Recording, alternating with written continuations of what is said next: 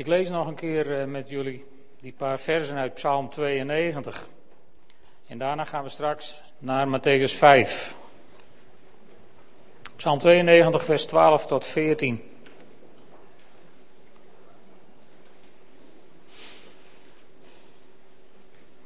De rechtvaardigen groeien op als een palm. Als een ceder van de Libanon reizen ze omhoog. Ze staan geplant in het huis van de Heer. In de voorhoven van onze God groeien zij op. Zij dragen nog vruchten als ze oud zijn en blijven krachtig en fris. Als je dit leest, dan is er een woord wat er uitspringt. En dat is in vers 12 de rechtvaardigen. En dan vraag je je over wie gaat het hier eigenlijk? Wie, uh, wie zijn die rechtvaardigen? Dat is een spannende vraag. Wie zijn die rechtvaardigen? Als je dan een stukje Bijbelstudie gaat doen, dan kom je bij het Hebreeuwse woord sadik, wat hier gebruikt wordt. En dat heeft een, een aantal betekenissen, maar onder andere betekent dat rechtvaardig of rechtschapen. En dan gaat het over gedrag en over karakter. Het gaat maar zelden over het rechtvaardige in het feit dat je niet schuldig bent, of over het feit dat je gelijk hebt. Daar kiezen wij vaak voor als we het over dit soort termen hebben. Hè? Rechtvaardig, dan heb ik gelijk. Of ik ben, ik zit aan de goede kant. Daar gaat het helemaal niet over. Dit woord gaat er vooral over dat je rechtschapen van karakter bent. Dat de goede geest in je woont. En als je dan naar het Nieuwe Testament doorschakelt, wat in het, in het Grieks geschreven is, dan vind je het Griekse woord dikaios. En dat gaat ook over degene die rechtvaardig is, de goddelijke wetten waarneemt. En, en onder andere staat hier, het wordt gebruikt van de mensen wiens denken, voelen en doen geheel in overeenstemming is met de wil van God. En die dan ook geen verbetering van hart en leven nodig hebben. Toen ik dat las, dacht ik, dan gaat het niet over mij. Want ik ben nog lang zover niet dat ik hardop durf te zeggen dat ik geen verbetering meer nodig heb. Mocht hier iemand zijn die, die dat wel vindt, dat die inmiddels volmaakt is, dan is er pastoraat in, in een van de zalen daar straks. Dat is een moeilijke zin. Maar wat is dan die rechtvaardige waar het hier over gaat? Nou, het komt er eigenlijk op neer, de rechtvaardige die leeft in rechtvaardigheid of in gerechtigheid. En dan kom ik bij het woord gerechtigheid, wat, wat er heel sterk verband mee heeft. In het Grieks is het een afgeleide van het vorige woord. En dat hebben we veertien dagen geleden hebben we dat ook ontmoet, dat woord. Toen we onder andere hebben gelezen uit Matthäus 3 over de Heer Jezus die zich wil laten dopen door Johannes de Doper. En waarbij Johannes dan zegt, ik u dopen, ik zou door u gedoopt moeten worden. Nou fijn, dan hebben ze wat discussie en ze hebben daar wat, uh, wat, uh, wat strijd over. En uiteindelijk zegt Jezus dan in Matthäus 3, vers 15: Laat het nu maar gebeuren. Want het is goed dat we op deze manier Gods gerechtigheid vervullen. Gods gerechtigheid vervullen. En toen heb ik het ook over dit woord gehad, dat Griekse woord voor gerechtigheid. En, en dat betekent in, in, in brede zin, iemand, dat is de toestand van iemand zoals hij hoort te zijn. Rechtvaardigheid is de toestand die voor God aanvaardbaar is. Dus van iemand zoals je hoort te zijn. Nou, ons maandthema is worden wie je bent. En wie zou je nou willen worden? Daar hebben we misschien zelf allemaal ideeën over. Van nou, ik wil dit worden, ik wil dat worden. Maar wie zou God willen dat je wordt? Ik denk zo, rechtvaardig. God wil dat wij rechtvaardigen worden. En dat is lastig, want uh, dat kunnen we helemaal niet. Ik wil met jullie lezen uit Matthäus 5. De bergreden, een gedeelte ervan. We beginnen bij vers 1. Toen Jezus de mensenmassa zag, ging hij de berg op. Daar ging hij zitten met zijn leerlingen om zich heen. Hij nam het woord en onderrichtte hen. Gelukkig wie nederig van hart zijn, want voor hen is het koninkrijk van de hemel. Gelukkig de treurenden, want zij zullen getroost worden. Gelukkig de zachtmoedigen, want zij zullen het land bezitten. Gelukkig wie hongeren en dorsten naar gerechtigheid, want zij zullen verzadigd worden. Gelukkig de barmhartigen, want zij zullen barmhartigheid ondervinden. Gelukkig wie zuiver van hart zijn, want zij zullen God zien. Gelukkig de vredestichters, want zij zullen kinderen van God genoemd worden. Gelukkig wie vanwege de gerechtigheid vervolgd worden, want voor hen is het koninkrijk van de hemel. Gelukkig zijn jullie wanneer ze je omwille van mij uitschelden, vervolgen en van allerlei kwaad betichten. Verheug je en juich, want je zult rijkelijk worden beloond in de hemel. Zo immers vervolgden ze voor jullie de profeten. Jullie zijn het zout van de aarde. Maar als het zout zijn smaak verliest, hoe kan het dan weer zout gemaakt worden? Het dient nergens meer voor, het wordt weggegooid en vertrapt. Jullie zijn het licht in de wereld. Een stad die bovenop een berg ligt, kan niet verborgen blijven. Men steekt ook geen lamp aan om hem vervolgens onder een korenmaat weg te zetten. Nee, men zet hem op een standaard, zodat hij licht geeft voor ieder die in huis is. Zo moet jullie licht schijnen voor de mensen, opdat ze jullie goede daden zien en eer bewijzen aan jullie Vader in de hemel. Denk niet dat ik gekomen ben om de wet op de profeten af te schaffen. Ik ben niet gekomen om ze af te schaffen, maar om ze tot vervulling te brengen. Ik verzeker jullie, zolang de hemel en de aarde bestaan, blijft elke jota, elke titel in de wet van kracht totdat alles gebeurd zal zijn. Wie dus ook maar één van de kleinste van deze geboden afschaft en aan anderen leert datzelfde te doen, zal als de kleinste worden beschouwd in het koninkrijk van de hemel. Maar wie ze onderhoudt en dat aan anderen leert, zal in het koninkrijk van de hemel in hoog aanzien staan. Want ik zeg jullie, als jullie gerechtigheid niet groter is dan die van de schriftgeleerden en de fariseeën, zullen jullie zeker het koninkrijk van de hemel niet binnengaan. Gerechtigheid. Als je, als je zo de start van zeg maar, de bergreden leest, dan vraag je je af wat Jezus aan het doen is. Waar hij het over heeft. Noemt hij hier een aantal types mensen met allemaal hun eigen beloning? Vroeger dacht ik dat inderdaad ook, als je dat zo las, want het lijkt een opsomming van nou, die mensen krijgen dat en die mensen krijgen dat en die mensen krijgen dat. Maar dan is er maar één soort in dit hele rijtje die het koninkrijk van de hemelen beërft en de rest mooi niet. En, dat maakt je heel gedeprimeerd, mij tenminste wel. Ik herken dat uit, uit de tijd van, van toen ik een jaar of zes, zeven, acht was. Toen, uh, toen hadden wij uh, in, in de gereformeerde kerk, waar ik toen zat, een hele zwaar op de hand dominee. En, en dat ging altijd over de wet. En het ging altijd over het feit dat je verloren was en dat je dat nooit zou kunnen. En dat het een. Ik ben heel vaak naar huis gegaan met het idee van nou, leuk dat ik in de kerk ben geweest. Maar dit is een kansloze onderneming. En dat kan natuurlijk nooit de bedoeling zijn van het woord van God. En zo kan het ook niet de bedoeling zijn hier van Jezus als hij deze dingen opnoemt. Dat hij zegt van nou, de armen van geest, die krijgen het koninkrijk van de hemel. En de treurenden, nou ja, die troost ik weliswaar. En de zachtmoedigen, die krijgen het land. En de hongerigen worden verzadigd. Maar het koninkrijk is alleen voor die ene soort. Dat kan niet kloppen.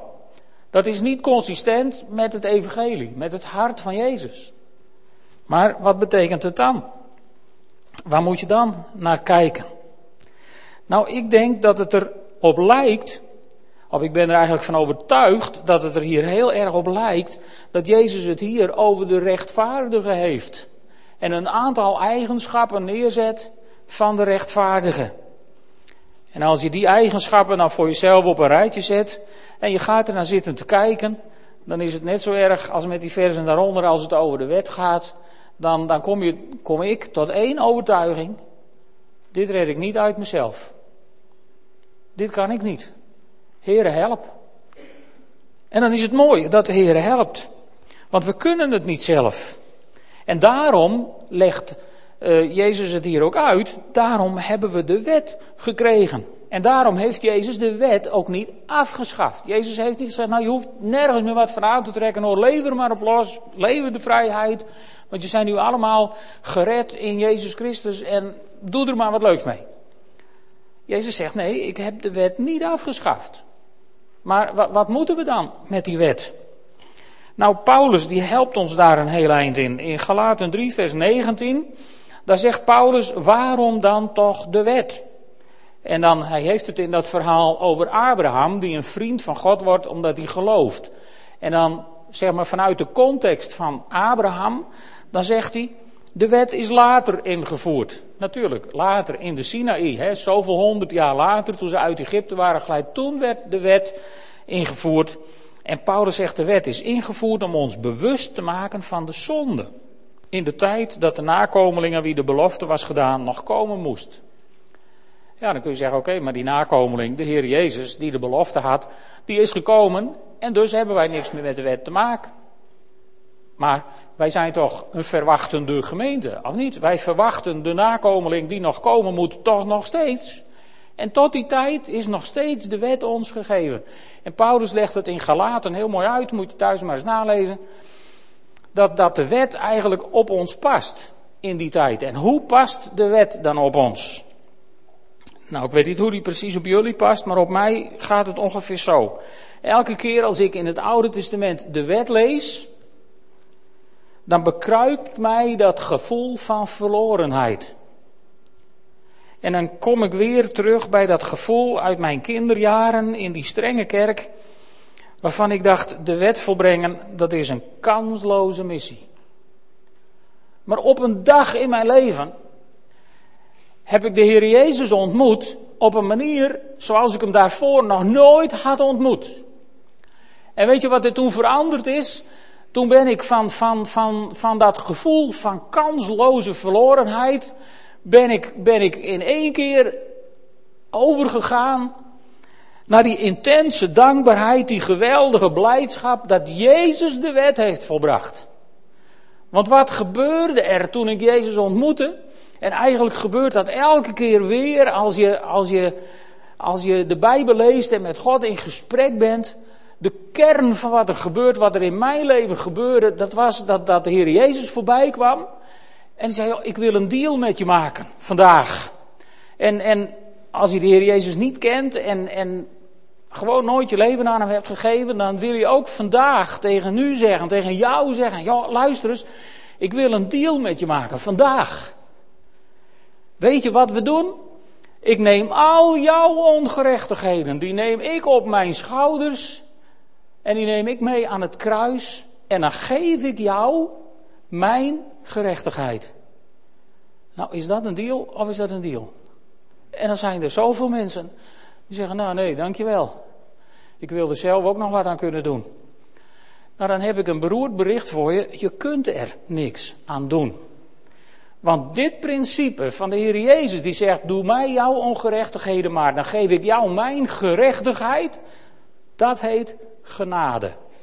En genade betekent dat je iets krijgt wat je niet hebt verdiend. En dat je iets niet krijgt wat je al lang had verdiend, namelijk dood door, doordat je schuldig bent. Maar die dood heeft de Heer Jezus meegenomen. En die heeft onze ongerechtigheid op zijn schouders geladen. En zo is hij aan het kruis gegaan en is hij de dood ingegaan, maar is hij weer opgestaan. En daarom kunnen wij leven in die gerechtigheid van Jezus Christus. Nou, als dat geen blijde boodschap is, wij mogen leven gerechtvaardigd door het offer van de Zoon van God. Zo mag je in het leven staan. Wauw. Nou, dat is dat is gerechtigheid. En de wet is er volgens mij om je er elke keer weer bij te bepalen. En daarom is het, is het niet handig om te zeggen, nou het Oude Testament, daar lees ik maar niet meer in. Want dat is moeilijk en dat is akelig en dat is bloeddorstig hier en daar. En ik snap het niet allemaal. Dat hoeft ook niet, ik snap het ook niet allemaal.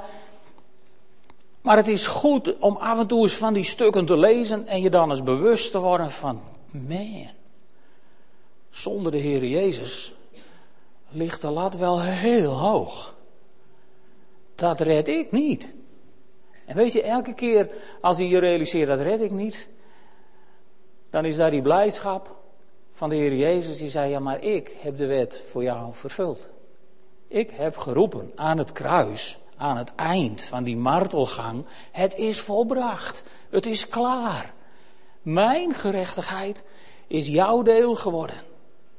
En dat schenk ik je vandaag. Mijn gerechtigheid. Super. En misschien denk je nou dat is lastig te begrijpen. Ja, dat is soms ook lastig te begrijpen. En de Heer Jezus wist ook dat het lastig te begrijpen was. De Heer Jezus voorzag aan het eind van zijn leven op deze aarde, voorzag Hij dat wij mensen dit, dit een, een, een moeilijke materie zouden vinden. Lastig om het te snappen misschien, ook lastig om het te accepteren. En daarom zei de Heer Jezus in Johannes 16, vers 7 en 8, dan zei hij tegen zijn discipelen werkelijk, het is goed voor jullie dat ik ga. Dat ging over zijn hemelvaart. En toen zei hij, want als ik niet ga, zal de pleitbezorger niet bij jullie komen, maar als ik weg ben, zal ik hem jullie zenden. En zo stuurde de Heer Jezus, toen hij naar de hemel ging, stuurde hij, samen met de Vader, stuurden zij de Heilige Geest, die ons uit de Vader en de Zoon gegeven is, stuurde hij zijn Heilige Geest naar deze wereld, om in het hart van gelovigen te komen wonen. Dat is mooi. Dus de Heilige Geest is gekomen om in mij te komen wonen. En wat komt hij dan doen? Dan staat er in vers 8, wanneer hij komt, zal hij de wereld duidelijk maken wat zonde, gerechtigheid en oordeel is. Drie dingen. Nou, wat zonde is, dat was mij vroeger als kind al gauw duidelijk. En wat oordeel was, dat was me ook al heel gauw duidelijk. Dat snapte ik donders goed. En het was jammer dat er weinig over de gerechtigheid gepreekt werd. Want die staat wel precies midden in dit rijtje. En als je nou in dit rijtje, als je daarnaar kijkt, dan denk je natuurlijk, de Heilige Geest overtuigt van zonde. Dat moeten we goed onthouden overigens met elkaar, zodat we ophouden iedereen achterna te rennen van hé, maar jij zondigt en jij, de Heilige Geest overtuigt van zonde. Dus als je mensen ziet zondigen, dan, dan moet je ze misschien in broederlijke liefde of zusterlijke liefde wel eens even, even een hint geven. Maar bid vooral voor ze, dat de Heilige Geest mensen overtuigt van zonde. En als de Geest je overtuigt van zonde, dan kom je op dat plek terecht waar je je verloren voelt. En dan kom je ook op dat plek terecht waar je je redding ziet. Namelijk het kruis van Christus. En als je die redding gezien hebt en je hebt gezegd: Oké, Heer, die deal, die aanbod van u, als dat nog steeds geldt, dan wil ik het nu. Dan maak ik er gebruik van. Neem al mijn ongerechtigheden maar. En geef me alstublieft uw gerechtigheid. Want ik sta klaar om het te ontvangen, om het van u aan te nemen. En dan mag je weten, als de Heilige Geest je dan overtuigt van oordeel, waar overtuigt je dan van? Dan overtuigt hij je ervan dat het waar is wat apostel Paulus in Romeinen schrijft. Zo is er dan geen veroordeling meer voor hen die in Christus Jezus zijn. En dan wordt het leven zo licht, zal ik je vertellen. Als je weet dat er geen oordeel meer is, omdat je je geborgen weet in Christus. Dan zweef je door de wereld. En dan, dan, dan ben je eindelijk ben je rechtvaardig. Uit jezelf? Nee, je bent gerechtvaardig gemaakt. Uit genade. Zondig je dan nooit meer? Absoluut wel. Allemaal missen we af en toe onze rechtvaardigheid nog wel eens even. Maar dan mag je elke keer terug naar de Heer Jezus en zeggen: Heer, ik heb, ik heb een fout gemaakt. Heer, ik heb me vergist. Heer, ik zat er helemaal naast. Vergeeft u het me? En dan vergeeft hij het je. En dan ben je weer rechtvaardig. Misschien denk je, nou, dat is wel erg goedkoop. Nou, dat is een vergissing. Het was niet goedkoop. Het heeft het leven gekost van de enige geboren zoon van onze God in de hemel, die aan een kruis een verschrikkelijke dood stierf. Het was absoluut niet goedkoop. Maar voor ons wel erg gemakkelijk. Dat is waar. En misschien denk je, nou, dat is mij te gemakkelijk. Ik wil er zelf vinger in de pap houden. Zo zijn we tegenwoordig natuurlijk als je zegt van, nou, ik wil worden wie ik ben. En volgende maand gaan we het hebben over, dan gaan we op eigen benen staan. Ik wil zelf. Nou, dan wil ik je één ding zeggen. Dat wordt niks. Want je kunt het niet. Ik hoop dat ik dat overtuigend heb aangetoond nu. Je kunt het niet. Je hebt die genade van God nodig want anders ben je reddeloos verloren. Maar die genade, die is er. Halleluja. Daar mogen we ons over verheugen. Daar mogen we blij in zijn. En, en daar, kun je, ja, daar kun je het leven mee aan. Maar hoe werkt dat dan? Ja, ik wou wel dat ik dat precies wist. Maar je krijgt het voor niks. Als je ja zegt tegen Jezus. En die deal, die staat er elke dag. Ik neem jouw ongerechtigheden op mijn schouders.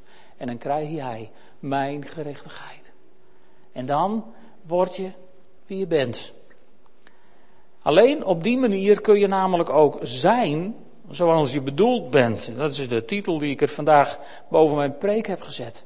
Je kunt alleen maar zijn zoals je bedoeld bent als je dit accepteert. Want hoe ben je bedoeld? Nou, misschien heeft God je wel bedoeld om, uh, om prachtig te kunnen schilderen, of om uh, mooie muziek te kunnen maken, of om geweldige elektrische leidingen onder de vloer door te leggen en, en, en de crash mooi te schilderen. En God heeft je allemaal aardse talenten gegeven. Super. God heeft je ook geestelijke gaven gegeven. Hartstikke leuk, prachtig. Daar moet je vooral je, je voor openen en, en in uit durven te stappen.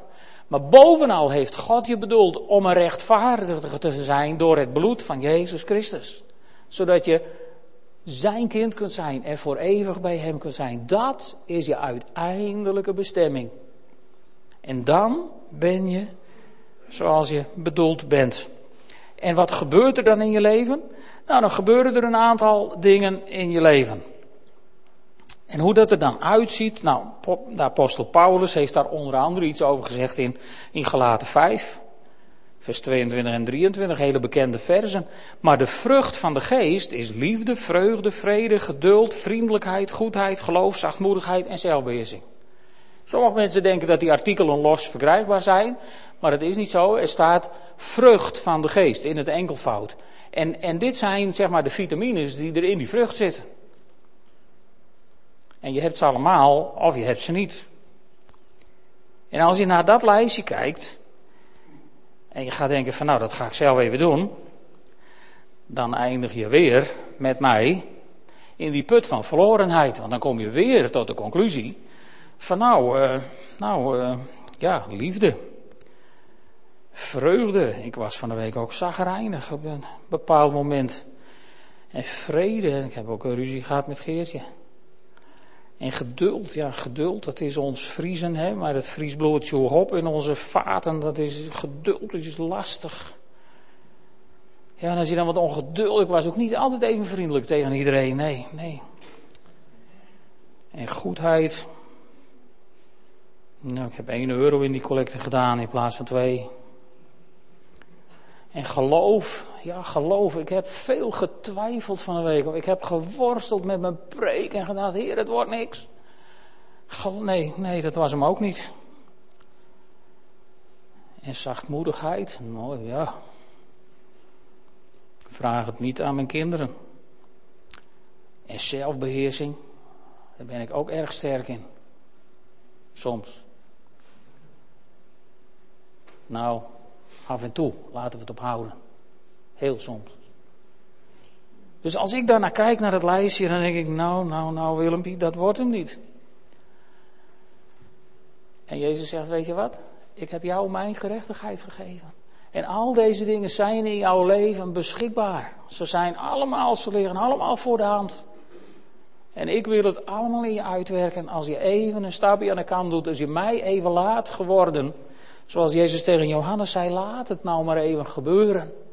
Als je het laat gebeuren, dan werkt God deze dingen uit in je leven. En dan word je zo. En dan ga je lijken op die, die mensen uit de bergreden. Dan ga je zo worden. En dan staat er in het, de eerste kwaliteit is gelukkig wie nederig van hart zijn. Nou, dat gaat dan nog wel, hè? maar als je even, even teruggaat naar de NBG-vertaling of naar de Statenvertaling, dan staat daar zalig de armen van geest. U hebt dat misschien wel eens geïnterpreteerd, net als ik, van nou, armen van geest, dat zijn de simpele zielen. Maar dat staat er niet. Het is een lastig woord, want het woord wat met armen is vertaald, daar hebben we in het Nederland misschien weinig anders voor. Maar het gaat niet over simpele zielen. Het gaat niet over mensen die weinig geestelijk vermogen hebben, bijvoorbeeld. Het is, het is een heel spannend woordje wat daar staat in het Grieks voor armen van geest. En eh, om, om, om die terminologie nou misschien even, even een beetje aan de kant te doen. Weet je, dit gaat over mensen die niet altijd zo assertief zijn als je vandaag de dag in de wereld hoort te zijn. Je wordt vandaag de dag geleerd om flink voor jezelf op te komen, assertief zijn, zeggen wat je ervan vindt. Zijn we Nederlanders internationaal bekend om overigens. Wat niet altijd even gewaardeerd en begrepen wordt. En, en armen van geest, dat betekent eigenlijk net iets anders. Want dat Griekse woordje wat met arm of nederig wordt vertaald, dat is het Griekse woordje toches.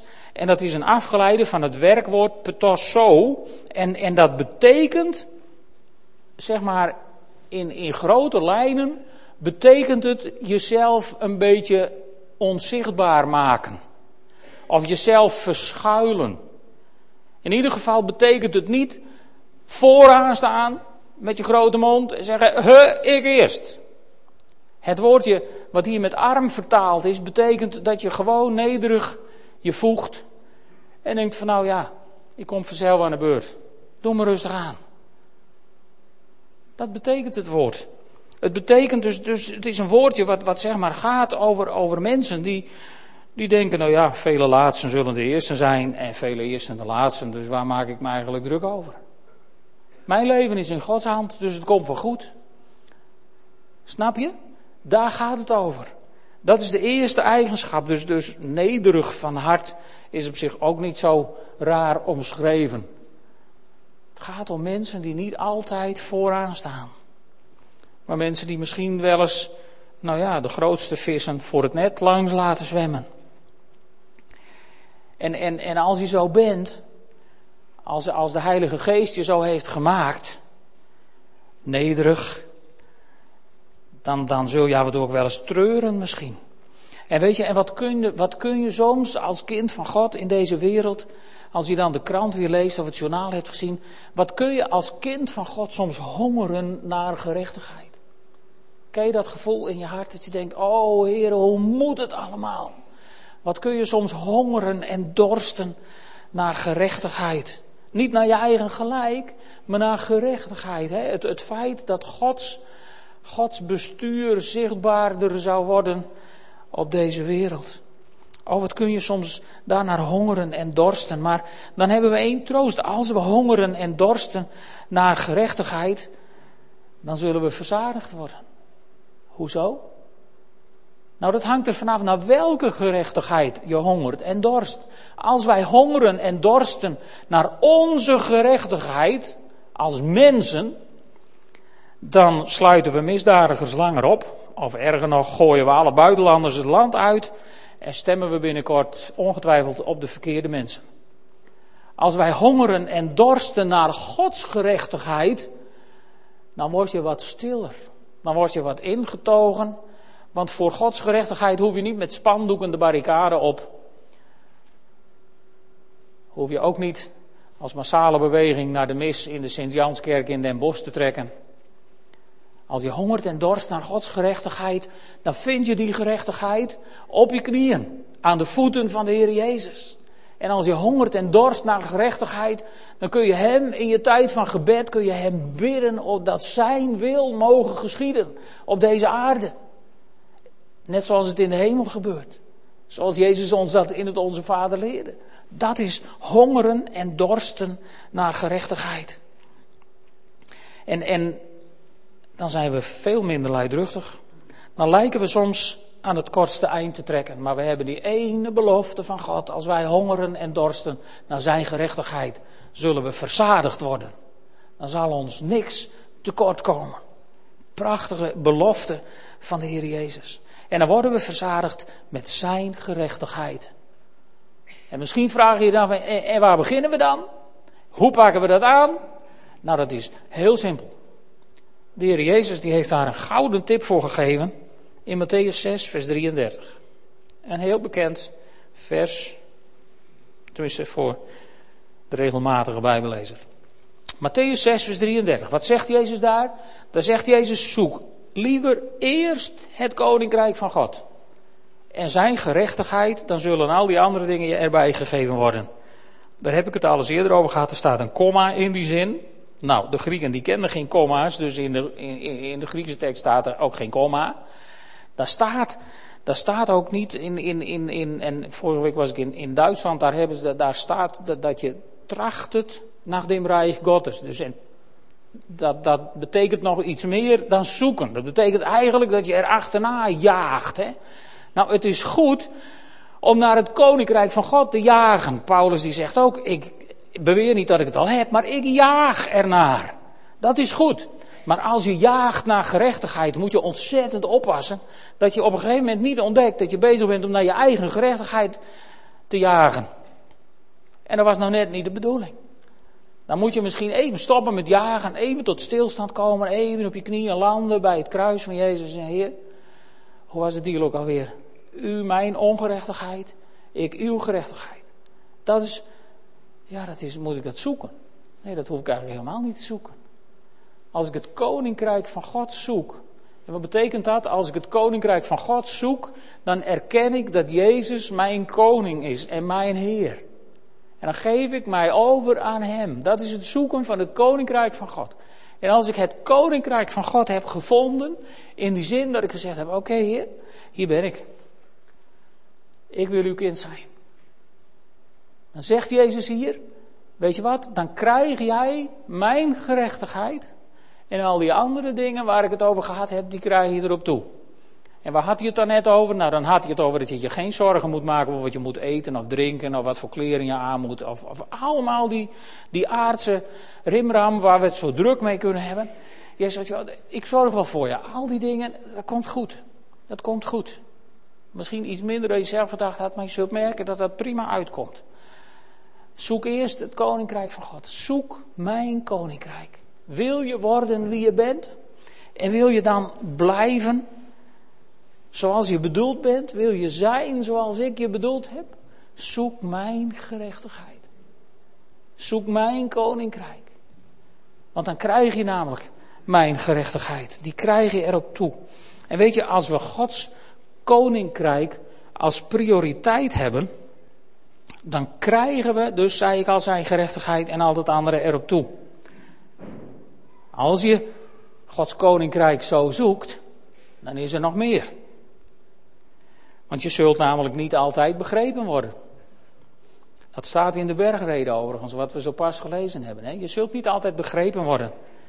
Mensen zullen de gek met je hebben. Sommige mensen zullen je misschien vals beschuldigen. Sommige mensen zullen je zelfs vervolgen. In Nederland gaat het nog wel, maar in andere landen op de wereld gebeurt dat heel daadwerkelijk. Maar aan de andere kant zul je getroost worden als je verdriet hebt. Hé, hey, je zult getroost worden als je verdriet hebt. Als het leven eens even niet uitbrengt wat je eigenlijk had gedacht. Als het eens even niet gaat zoals je eigenlijk had gewild, dan zul je getroost worden. En je zult barmhartigheid ontvangen van God de Vader. En je zult verzadigd worden van die goddelijke gerechtigheid die Jezus Christus je geeft. En je zult God zien in je dagelijkse leven. Je zult Hem zien functioneren. Je zult Hem zien. Je zult zien hoe God voor je zorgt. Hoe God voorziet. Hoe God je leidt. Hoe God je wijsheid geeft om bepaalde keuzes te maken. Je zult God zien in je leven helemaal als je beschikbaar bent als werktuig van God. Als je je afvraagt hoe dat moet, moet je de preek van Harry van vorige week nog een keer beluisteren. God heeft wat dat betreft genoeg voor iedereen te doen. En als je beschikbaar bent, dan zul je God zien. Je zult het zout van deze aarde zijn. Op sommige plekken zul je merken dat je bederverend gaat worden.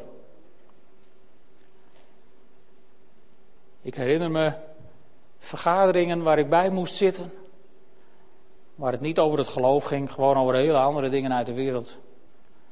En als iemand dan zich een keer een onvertogen vloekwoord uit zijn mond liet vallen, dan keken ze naar mij en dan zeiden ze sorry. Nou, het ging niet over mij, dat vloekwoord. Dus ze hoefden zich bij mij niet te verontschuldigen. Maar zout van de wereld betekent dat mensen op je letten. Zich misschien soms in acht nemen, niet altijd overigens. Je zult het licht zijn voor de wereld. Daar waar duisternis is, zal die moeten wijken omdat jij als het licht van de wereld in de buurt bent gekomen. En in je ouderdom zul je nog vrucht dragen en krachtig en fris zijn. Ik denk dat dat een woord van God ook voor Eden is. Wat je goed moet onthouden. Dat maak je waarschijnlijk niet meer mee als zij in haar ouderdom nog krachtig en fris is. Maar geef het ze mee. Je zult in je ouderdom nog krachtig en fris zijn. En tenslotte, tenslotte zul je rijkelijk beloond worden in de hemel. En dat heet nou in de Bijbel leven en overvloed. Dan zijn die vruchten van de geest, die vrucht is in je aanwezig. Dan zijn de gaven, de uitingen van de Heilige Geest, die zijn in je aanwezig, omdat de Heilige Geest in je woont. En dan, dan ga je steeds meer van die karaktereigenschappen vertonen die Jezus noemde in de bergreden. Je zult een mooi mens zijn. Je zult een kind van God zijn waar God vreugde aan beleeft. Maar je zult ook een mooi mens zijn. Waar mensen om je heen met argusogen naar kijken. En dan zul je zijn zoals je bedoeld bent. Amen.